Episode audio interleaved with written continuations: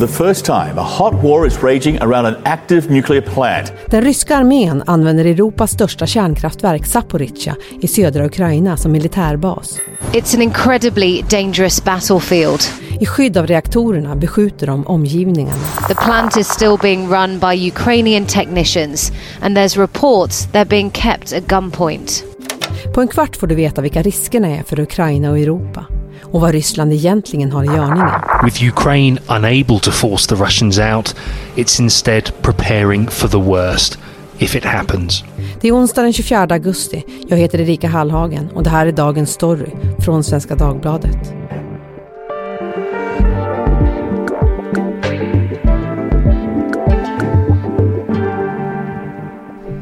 Jesper Sundén, utrikesanalytiker och Hanna Törnqvist, nyhetsreporter här på Svenska Dagbladet. Det är måndag eftermiddag när vi spelar in det här, det ska vi säga. Men att kriga vid ett kärnkraftverk, vad tänker ni när ni hör om det? Ja, jag tänker ju som så många andra att det är läskigt, det är livsfarligt. Ja, nej, men första tanken är att det är väldigt riskabelt och sen så tänker man ju på kärnkraftsolyckor vi haft tidigare i historien också. Och om man då tänker att det pågår ett krig precis där reaktorerna är och ja, man blir ju inte lugn av det. Nej. Hanna, vad, vad vill egentligen Ryssland med det här? Ja, det kan ju kännas eh, svårt att förstå eftersom att om det skulle ske en olycka så ligger Ryssland också väldigt nära den här anläggningen. Eh, men jag har pratat med militärstrateger om det här. Kärnkraftverket blir som en sköld för ryssarna, för de kan ju skjuta artilleri från det här kraftverket. Men för Ukraina blir det väldigt svårt att svara på attackerna. Vi ska återkomma till, till det här, men först Jesper, ta oss dit. Hur, hur ser det ut? Ja, det här är ju ett, eh, en stor eh, industriell eh, anläggning från, från den sovjetiska tiden med så det, det mest ögonfallande är ju två jättelika eh, skorstenar som, som det kommer vit rök framförallt i dem, så det handlar väl framförallt om ånga från eh, nedkylningen av de här eh, bränslestavarna. Men sen så är det också sex reaktorer som var och en har sitt e sitt, e-, en egen skorsten. Och allt det här ligger ju vid floden Dnepr. Mm, väldigt vackert Eh, kan man säga. Eh, bortsett från att själva den här industribyggnaden eh, inte är så vacker. Men, men det, det är en jätteanläggning och det ju, har ju varit 10 000 som arbetar där under normala förhållanden. Nu är det ju bara en, en spillra kvar. Och, och allt det här det ligger ju då på, på den södra sidan just här då om, om, om Dnepr som, som ryssarna kontrollerar medan ukrainarna kontrollerar den norra sidan. Eh, och eh, det är ju därifrån de skjuter då på, på varandra eh, över floden. Bara dagar efter invasionen var den ryska armén på plats vid kärnkraftverket Zaporizjzja. It was one of the first sites seized when Russia invaded Ukraine in February. Nu har de både soldater, egna ingenjörer från statliga Rosatom och militär materiel inuti och runt kärnkraftverket. Zaporizjzjas sex reaktorer producerar under normala förhållanden el till runt 4 miljoner hushåll. Men med bara två reaktorer igång är produktionen nu betydligt lägre.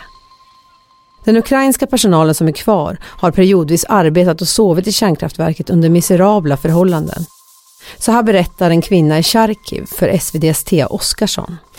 They had no Uh, no time to sleep. They, they couldn't go home. Most of, of the staff is not allowed into some technical rooms of uh, the station.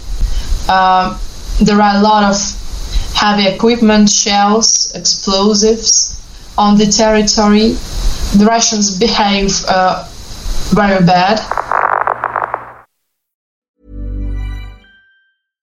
This podcast is brought to you by eHarmony, the dating app to find someone you can be yourself with. Why doesn't eHarmony allow copy and paste in first messages? Because you are unique, and your conversations should reflect that. eHarmony wants you to find someone who will get you. How are you going to know who gets you? If people send you the same generic conversation starters, they message everyone else. Conversations that actually help you get to know each other. Imagine that. Get who gets you on eHarmony. Sign up today. Men vad gör egentligen den ryska armén vid kärnkraftverket? Vad är det de vill? Ja, ett av syftena med att vara där är att ja, genomföra vad som är den största elstölden i historien. Eh, man ska helt enkelt kapa eh, elledningarna till Ukraina och lägga ut en piratkabel som, som för elen som produceras där till ryskkontrollerade områden. Ett annat eh, syfte eller en anledning till att Ryssland vill behålla kontrollen över kärnkraftverket på det här sättet kan också vara för att ändra historieskrivningen lite kring kriget. De anklagar ju Ukraina för beskjutning mot den här viktiga infrastrukturen. Och det blir ett sätt att för Ryssland att säga att Ukraina attackerar också civila.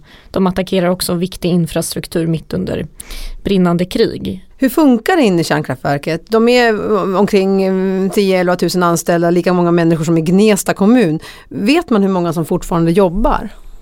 Nej, man vet inte exakt hur många som, som är där ur den ordinarie personalen. Det är Många har ju flytt, men det är säkert färre än hälften. Eh, många har flytt. Eh, en del har förts bort också eh, av, av ryssar, eh, man försvunnit. Och, och de som är kvar, de får inte ha kontakt med omvärlden när de är där. De eh, granskas och bevakas hela tiden av, av soldater och jag har läst vittnesmål från, från personer som arbetar där om att de, ryssarna blev väldigt mycket mer eh, paranoida efter att en, en lokal eh, ja, guvernör eller provins, provinsstyret där mördades av lönnmördades av eh, ukrainska motståndsmän. Så att eh, de, de blir oerhört nitiska och ska kolla, kolla allting och telefoner och sådär. Det har väl kommit rapporter om både tortyr och sexuella trakasserier. Och, mm. Mm, mm. De är så paranoida så att det var ju, det var också så att de tydligen ville tömma eh, kylbassängerna därför att de, ryssarna misstänkte att det hade gömts vapen där. Och då var det ju tydligen en dykare som de hade ett antal anställda dykare. En dykare blev beordrad att tömma den här bassängen. Och han sa, nej men det är ju helt emot reglementet, det är helt fel. Ja men, ja, men vi, du måste göra det, annars så, ja, så dödar vi dig. Eh, och han vägrade och miste livet. Ja men för hur mycket kunskap har militären om, om var de befinner sig på för uh, plats egentligen? De har förmodligen väldigt lite. Uh, för ja, det finns ju berättelser om hur, hur de betedde sig eh, när, i början av kriget när de intog uh, den förbjudna zonen kring Tjernobyl. Mm. Och då pratade jag med två ukrainska forskare som båda jobbar, jobbade på Tjernobyl före kriget med att undersöka radioaktivitet. Det är ju verkligen en bra plats för forskare. Och då beskrev de att eh, när de tar dit studenter, eller före kriget när de tog dit studenter, så var det en plats där de snabbt sprang ur bilen, tog lite bilder och snabbt tillbaka. För den platsen var väldigt radioaktiv. Och på den här platsen nu så har de fått rapporter om att eh, ryssarna upprättat en eh, militärpost ja, då i början av kriget. Så det visar ju på att eh, alla inte har den här kunskapen. Nej. Men efter en tid så, så blev ju eh, de rys, ryssarna blev ju strålsjuka eh, och var ju tvungna att evakueras därifrån. Så mm. att de, de lämnade Tjernobyl. Men, men nu, det har kommit rapporter även från, från kärnkraftverket nu att, eh, att, att det är ryska soldater som har, har tagits in på intensivvård efter att ha blivit strålskador. I Zaporizjzja? I Zaporizjzja, ja, mm. precis. Varför stänger personalen inte bara av alltihop då? Jag tänker den ukrainska personalen.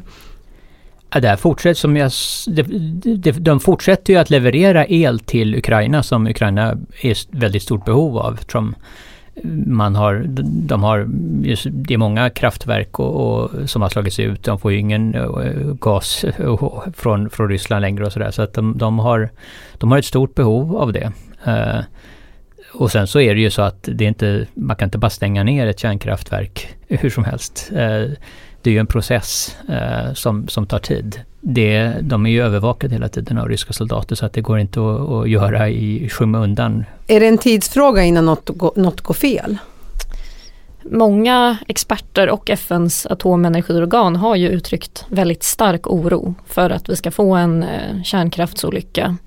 Eh, men eh, samtidigt så har de inte uppmätt liksom någon förhöjd radioaktivitet vad jag vet än. Ehm, så man väntar väl nu och ser vad som ska hända. Men vi vet att eh, personalen Den ukrainska personalen skickades hem från kärnkraftverket i fredags och i helgen skedde någonting som vi inte riktigt vet vad. Men det kan ju ha varit så till exempel att de försökte att koppla om eh, den här elen eller någonting. Det, det vet vi inte ännu. On the 26th of April 1986, it was decided at Chernobyl to take advantage of reactor number 4's downtime by carrying out a safety test on an emergency core cooling feature. Är det några i Europa som vet vilka konsekvenser en kärnkraftsolycka har så är det ukrainare. Den sovjetiska regeringen har ikväll bekräftat vad man redan misstänkte i Sverige, nämligen att en kärnkraftolycka har ägt rum. The fire in Chernobyl's reactor number 4 was more radioactive than Hiroshima and Nagasaki combined, potentially deadly even today. Zaporizjzja är en modernare typ av kärnkraftverk och en olycka lik den 1986 är inte möjlig. Däremot har det inte krigats vid ett kärnkraftverk tidigare och enligt Genèvekonventionen är det också förbjudet. Omvärlden har upprepade gånger fördömt Rysslands agerande vid kärnkraftverket i Zaporizjzja. The United States remains deeply concerned about Russia's military takeover and continued control of the Zaporizhia nuclear power plant. Hanna, du har ju pratat med den svenska strålsäkerhetsmyndigheten. Vad säger de om riskerna? De uttrycker ju också stark oro för det här läget, eh, men de vill vara tydliga med att de är oroliga för Ukrainas del och eh, regionen och de är inte oroliga för att någonting ska påverka Sverige när det gäller Zaporizjzja. Och det här beror på att dagens kärnkraftverk är mycket mer säkra än till exempel Tjernobyl. Eh, så skulle vi få en olycka av den storleken där en reaktor faktiskt eh, exploderar, det, det bedömer de som ganska osannolikt. Ehm, och det här beror på att fundamenten kring reaktorerna är mycket mer robusta. Och ehm, det utesluter inte att inget kan hända men de kanske pratar mer om att reaktorbyggnaden skadas eller platsen där man kyler bränslet eller liknande. Mm. Om det sker någonting då måste det ju finnas bra folk på plats som kan hantera det som händer och det vet man inte hur det kommer se ut. När jag pratade med de där ukrainska forskarna också tidigare i våras så sa de att det här jobbet är, man måste vara extremt fokuserad. Det, det går inte att, eh, att vara trött egentligen och man kan ju tänka sig att de jobbar väldigt långa pass, får få pauser och liknande. Så det, det känns riskabelt. Mm. Vad skulle kunna hända? Jag, kollade en karta, det tar 33 timmar från Stockholm att köra bil till Zaporizjzja. Det, det är rätt nära ändå. Ja men om till exempel elen skulle slå ut, slås ut av en attack eh, eller andra funktioner som styr den här kylningen av reaktorerna. Då skulle det i värsta fall kunna likna ett förlopp som hände vid Fukushima i, vid den kärnkraftsolyckan. Alltså att man inte kan kyla härden och då riskerar man att få en härdsmälta. Ehm, men när jag pratade med Strålsäkerhetsmyndigheten så sa de att eh, de konsekvenserna som de ja, tar in i sina beräkningar skulle kunna vara att eh, radioaktiva ämnen kommer ut i vattnet och omgivningen och att man därför får evakuera närområden. Så i värsta fall, sa de, om det är en riktigt allvarlig olycka, om det är sämsta möjliga väderförhållanden så skulle det kunna spridas lite radioaktivitet med vinden. Men det skulle i så fall bara påverka vår livsmedelsproduktion och inte påverka oss svenskar på något annat sätt. Mm. Vilken roll tror ni att kärnkraftverket kommer att spela i fortsättningen i kriget? Mm, jättesvår fråga. Uh, det, kan, det, kan ju, det kan ske en katastrof.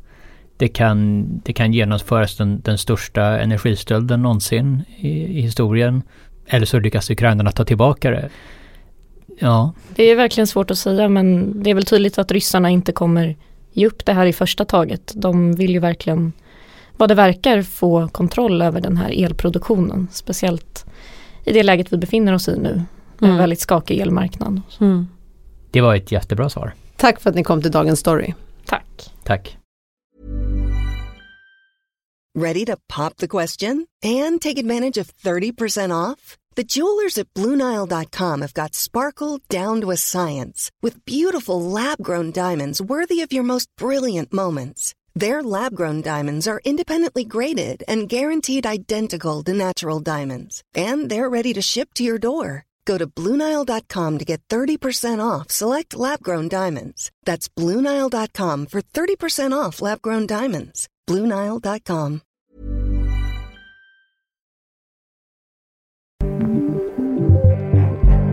Du har lyssnat på Dagens Story från Svenska Dagbladet. Vi som gjorde programmet idag är producent Elin Romliotto, redaktör Teresa Stenler från Matern och jag heter Erika Hallhagen. Vill du kontakta oss så mejla till dagensstory.svd.se. Klippen kommer från Euronews, BBC, ABC News, Al Jazeera, Channel 4, Vita huset och Sky News.